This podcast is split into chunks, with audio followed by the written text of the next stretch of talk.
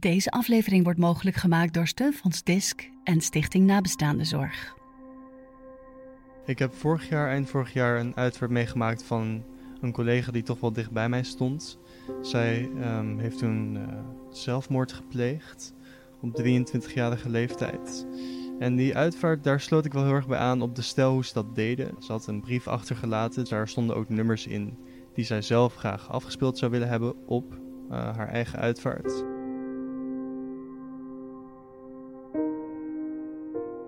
Vrienden die naar voren kwamen en uh, gelukkige momenten deelden.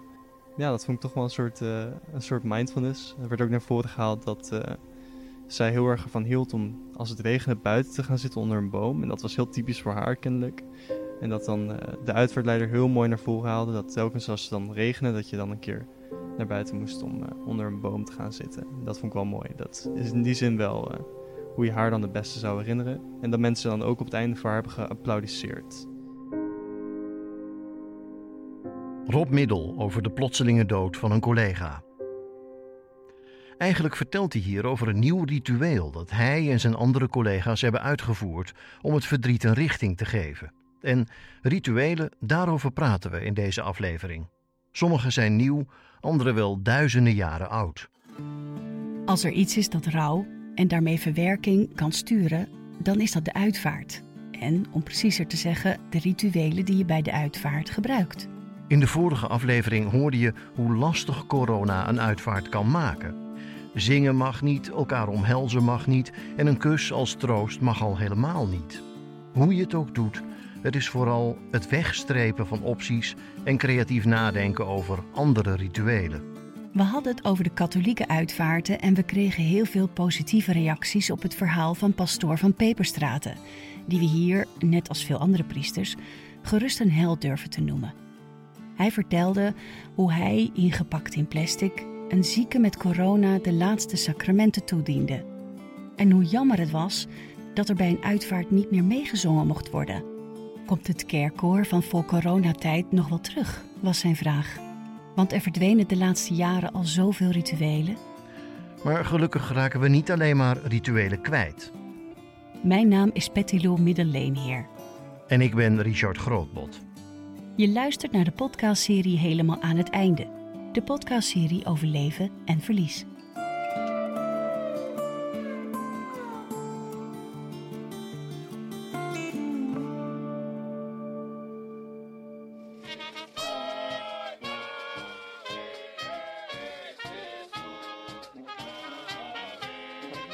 Wij geloven dat de dragers vaak stampend en dansend, dat is een waarschuwing voor naar het graf onze dierbaren brengen.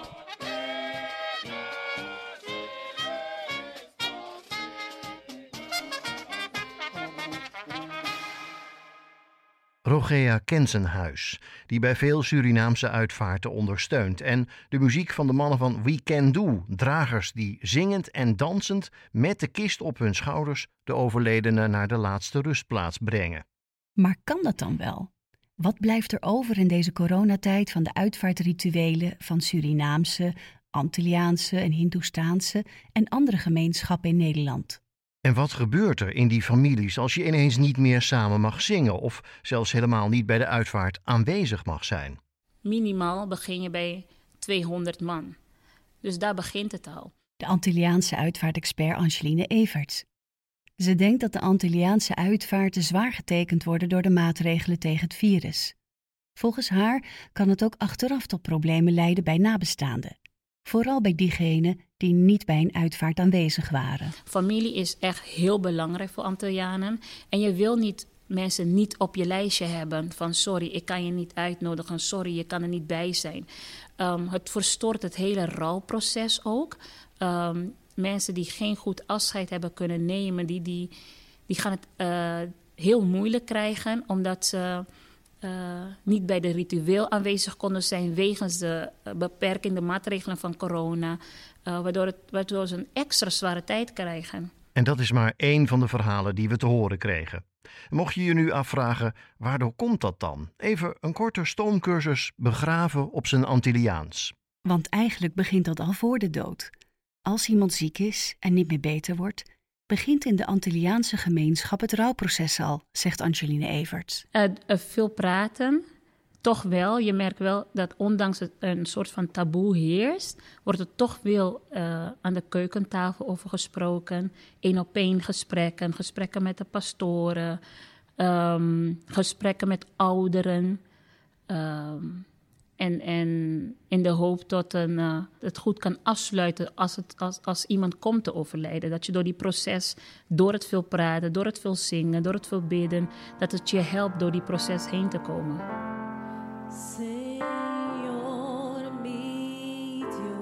Een traditionele Antilliaanse uitvaart is vaak een begrafenis.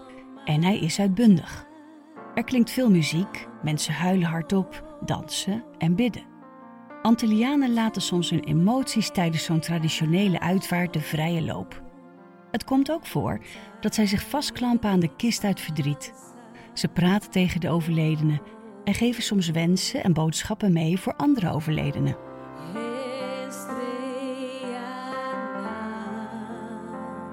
Heel veel muziek, er wordt heel veel gezongen, wordt er ook heel veel gedanst.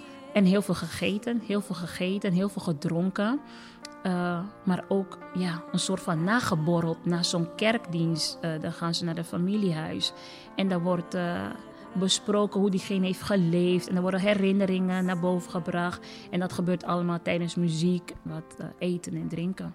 mensen vieren eigenlijk dat iemand een, een, een mooi leven heeft gehad. Ook een traditie is om de overledene voor de laatste reis veel mee te geven. Persoonlijke herinneringen gaan mee in de kist, zegt Angeline Everts. Van horloge tot, tot beelden, tot foto's, tot kleding. Er wordt van alles in, in, in een kist gedaan. Um, heel vaak is het dat elke familielid uh, tijdens zo'n bewassing iets in de kist uh, uh, legt. Maar ook dat als degene die wist dat hij komt te overlijden ook zegt van ik wil dit en dit in mijn kist hebben voor mijn reis. Uh, en dan uh, worden spulletjes uh, van zakdoekjes, van, van lievelingsbeer, van lievelingsschoen. Van alles kan er in een kist gedaan worden. Een traditionele Antilliaanse begrafenis zonder dat er meegezongen wordt, zonder dat iedereen die dat wil erbij kan zijn, zonder contact. Het is iets dat met name de Antilliaanse ouderen zich maar moeilijk voor kunnen stellen. Ook manager Angela Wijkstra van het afscheidshuis Amsterdam Zuidoost ziet dat. Culturen waar families met veel mensen bij elkaar willen zijn tijdens een uitvaart en waar zingen belangrijk is, ze kunnen niet zo afscheid nemen als ze graag zouden willen. Er is veel veranderd.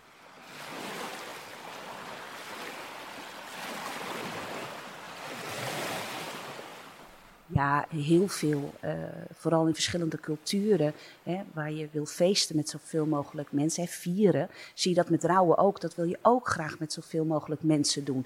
Uh, uh, dat zie je mensen die dan, degene die overleden is, gekend, willen daar graag ook allemaal deel van uitmaken aan respect van de overledene toe, maar ook naar de familie toe, de nabestaanden. Ja, en komt dan corona en de beperkende maatregelen. En dan heb ik het vooral over het aantal mensen wat, hè, wat maar mag komen. Uh, los nog even van het feit of ze durven te komen. Uh, ja, dat is, is natuurlijk mega invloed, is gewoon niet te voorstellen.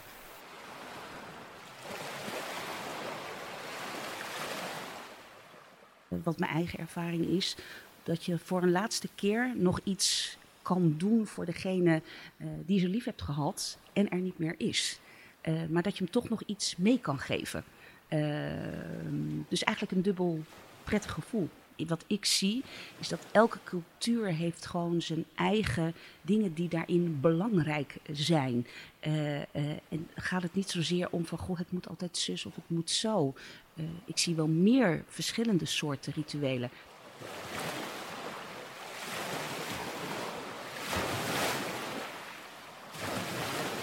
Maar ook die rituelen staan nu onder druk. Dat merkt ook onder meer Rogea Kensenhuis. Ze begeleidt traditionele Surinaamse uitvaarten als een zogeheten dienaar. Ook hier beginnen de rituelen al wanneer iemand ziek is en zich voorbereiden moet op de dood. En vanaf het begin van, van eigenlijk dat iemand slecht ligt, um, worden meestal wordt er een geestelijke leider uitgenodigd naar ziekenhuis of uh, thuis. En de dienaren worden uitgenodigd. Die weten precies hoe de, wat de rituelen dan voor zo'n overledene uh, is. Dienaren zijn uh, mensen die vanaf het begin zorgen voor de overledene. Ze doen eigenlijk uh, rituelen, het zang en gebed voor nabestaanden en voor de overledene zelf. Of degene die bijna he, stervende is. Um, het is ontstaan vanuit de EBG-kerk, de Evangelische Broedergemeenschap. En um, ze dienen in de kerk. Je bent er eigenlijk mm, met alles bezig in principe. Dat je mensen ontlast van, uh, van het, voor het zorgen van hun dierbaren.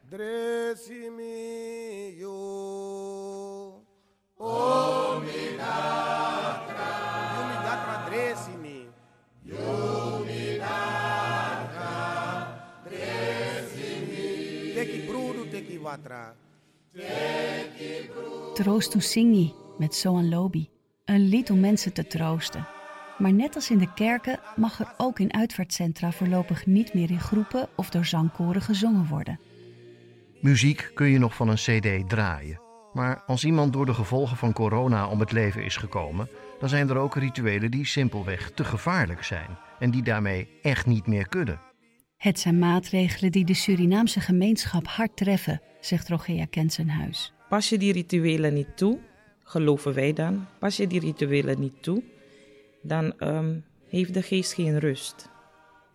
Je weet niet wat je meemaakt naar het hierna, hiernamaals. Degene kan nog zo goed geleefd hebben, maar wij zingen en bidden dat degene geen last moet hebben van de slechte die onderweg is naar het hiernamaals. En dat doe je precies door middel van uh, zang en muziek en gebed.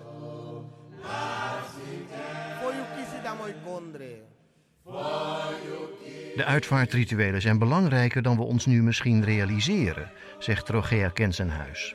Het zomaar weglaten, omdat het nou eenmaal zo moet, dat levert voor nabestaanden problemen op. Deze rituelen die wij toepassen zijn door middel van gebed. Je bidt dat ze rust krijgen en vrede hebben. Waarom je dus dit zingt en gebed. Je hoort uh, die psalmen en dan krijg je die rust. Als je met iemand praat, als je naar een psycholoog zou gaan, je hebt een probleem. Door middel van praten of je lucht je hart, krijg je die rust. En dat gebeurt ook bij uh, zorg. De uitvaartbegeleider als psycholoog en het ontbreken van de rituelen als een probleem dat bij nabestaanden psychische pijn kan veroorzaken. Je kunt je afvragen of het Outbreak Management Team daarmee ook rekening heeft gehouden.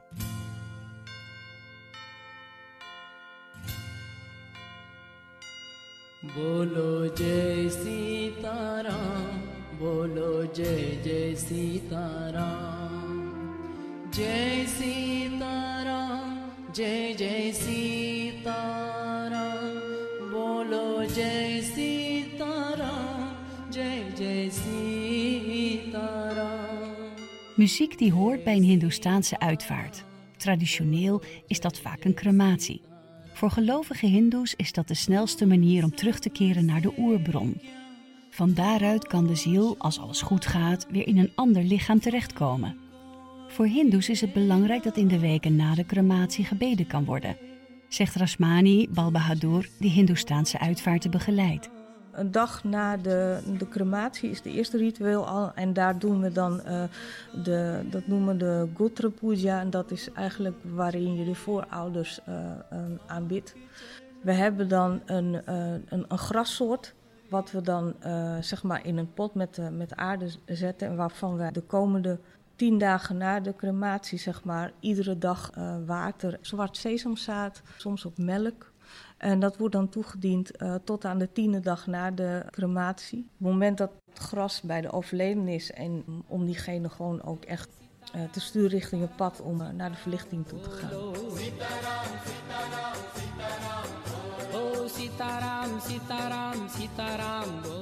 Het grootste ritueel vindt dus plaats de tiende dag na de crematie en de twaalfde dag na de crematie. Daar vindt de Pint Puja plaats. En de Pint, dat is eigenlijk uh, zeg maar um, Dat zijn balletjes, zeg maar, in de vorm van aardappelkroketje of iets. Uh, gemaakt van rijstmeel. Uh, die symboliseren onder andere de overledenen, de bepaalde goden die dan op dat moment worden aanbeden. En aan de andere kant uh, ook de duistere kant. Dan worden zeg maar rituelen verricht om te zorgen dat diegene gewoon goed begeleid zijn, zijn pad kan vinden die diensten, noem ik het even, die, ja, die zijn best intens. Maar de rituele samenkomsten gaan daarna nog verder. Tussen de dag van de crematie en de tiende dag heb je um, een mogelijkheid tot samenkomst, waarbij familie um, bij elkaar komt en dat dient. behalve voor de overledene dient dat ook voor de nabestaanden om troost en steun bij elkaar te vinden. Dan wordt er doorgaans gelezen uit een van de, de heilige schriften en dat is de Ramain. Dat bestaat uit, uit 24.000 versen, heel erg groot. Ja, dus ook de mogelijkheid om in gebed te zingen. Tijdens de tien en de twaalfdag uh, wordt er echt gebeden uh, in, in uh, bijzijn van een hindoepriester. En dan verricht je ook echt handelingen en moet er dan gekookt worden en wordt ehm, dat voedsel ook geofferd aan de overledenen. En ja, dienen degene die aanwezig zijn en de hindoepriester dienen daar ook van te eten. Zeg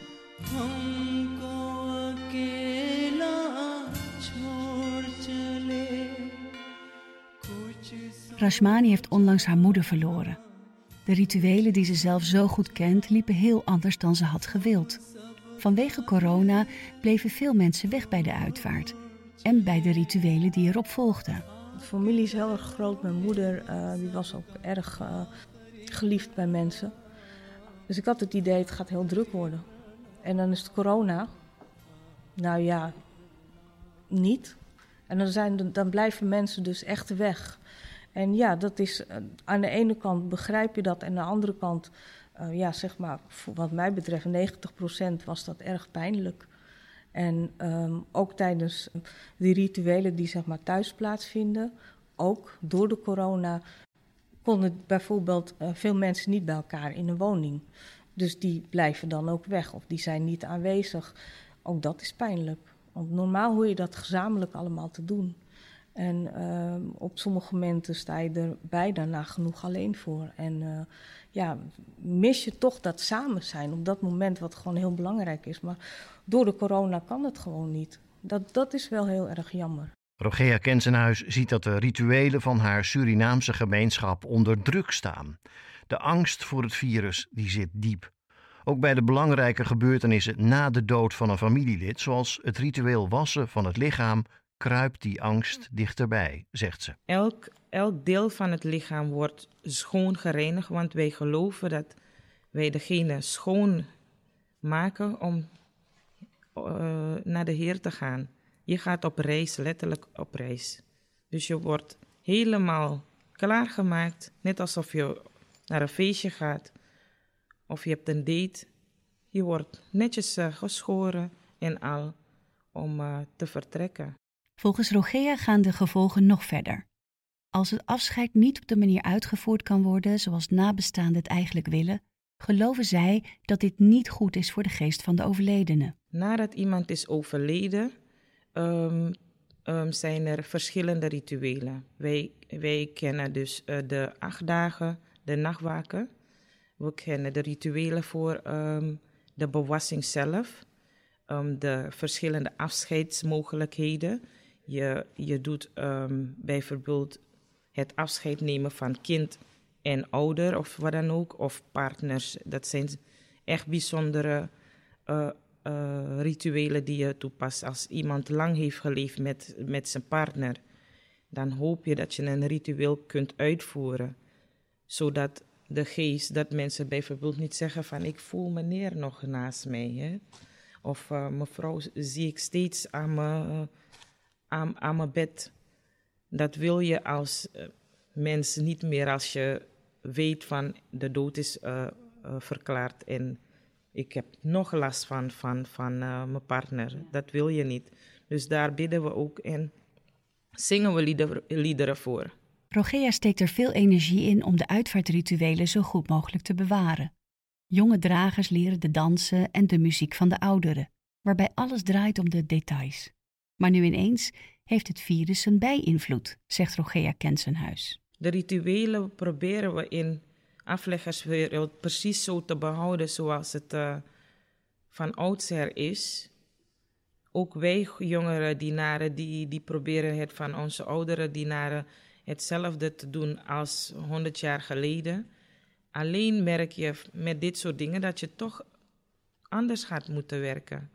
Want het is toch een virus en niet een bacterie. Dus daar moet je toch. En daar proberen we in uitvaartland ons bij te scholen. En uh, ook te kijken wat, wat is handig en wat is wijsheid. En hoe, hoe verander je uh, bepaalde uh, dingetjes.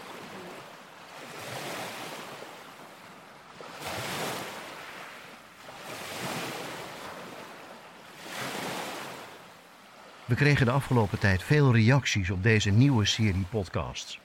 Rouw is een onderwerp dat veel losmaakt en dat gebeurt ook in Den Haag. In de Tweede Kamer wordt dit najaar gesproken over een flexibel rouwverlof, dus meer dan die drie dagen die er nu zijn.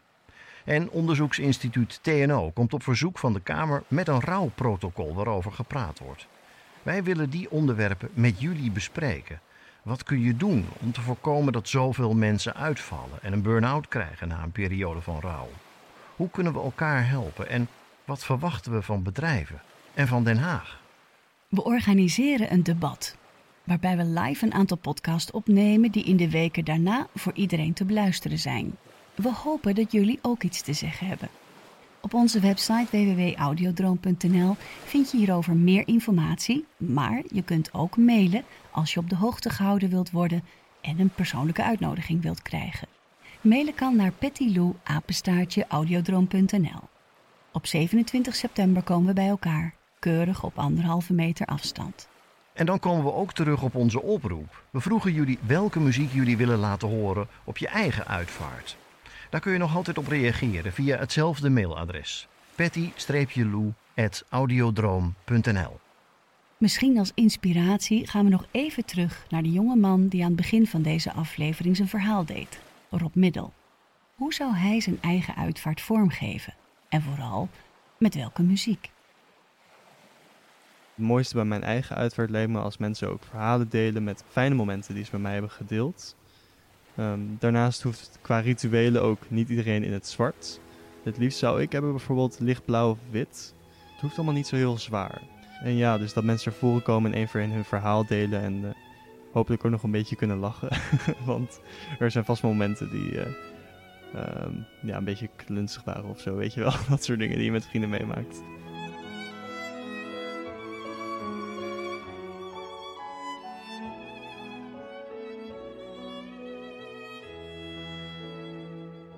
Ik zou wel ook klassieke muziek willen hebben op mijn uitvaart. Uh, die meer gericht is op de liefde, denk ik.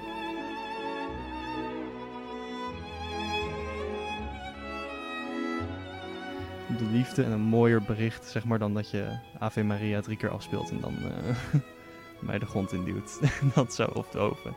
Kan ook. Ik zou liever gecremeerd willen worden. Um, ik zou het leuk vinden om uh, dat mensen allemaal één bloem meenemen.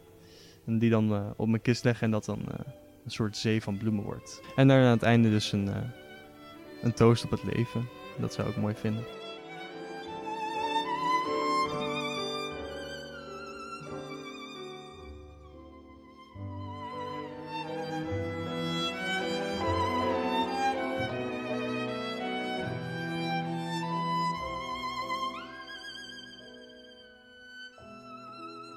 Stuur ons je favoriete uitvaartmuziek. Het mailadres is pettilou-audiodroom.nl En daarmee zijn we helemaal aan het einde van aflevering 4 van deze nieuwe serie. Heb je een vraag over deze podcast? Neem dan contact met ons op via Instagram, Twitter, Facebook of e-mail. Je vindt alle links in de show notes, dat is de tekst bij deze aflevering, in je podcast-app. In die show notes vind je ook links naar meer informatie over de onderwerpen in deze aflevering. Of ga naar onze website helemaal aan het einde.nl. Daar vind je alles overzichtelijk bij elkaar. Heeft deze aflevering je geïnspireerd of geraakt? Schrijf dan een review bij Apple Podcast of laat een rating achter. Of als je luistert via Spotify, deel de aflevering, dan help je anderen om deze podcast te ontdekken. Vergeet niet om je gratis op deze serie te abonneren met de subscribe of abonneerknop. Dan verschijnen nieuwe afleveringen automatisch in je podcast-app. Heb je een verlies geleden en wil je in contact komen met nazorgconsulenten, ervaringsdeskundigen die individuele ondersteuning bieden en helpen met complexe vraagstukken? Dan is de Stichting Nabestaande Zorg een informatiepunt waar je terecht kunt met vragen en zorgen rondom rouw, verlies en nalatenschap. Ze brengen ook lotgenoten samen. Je vindt alle informatie op stichtingnabestaandezorg.nl.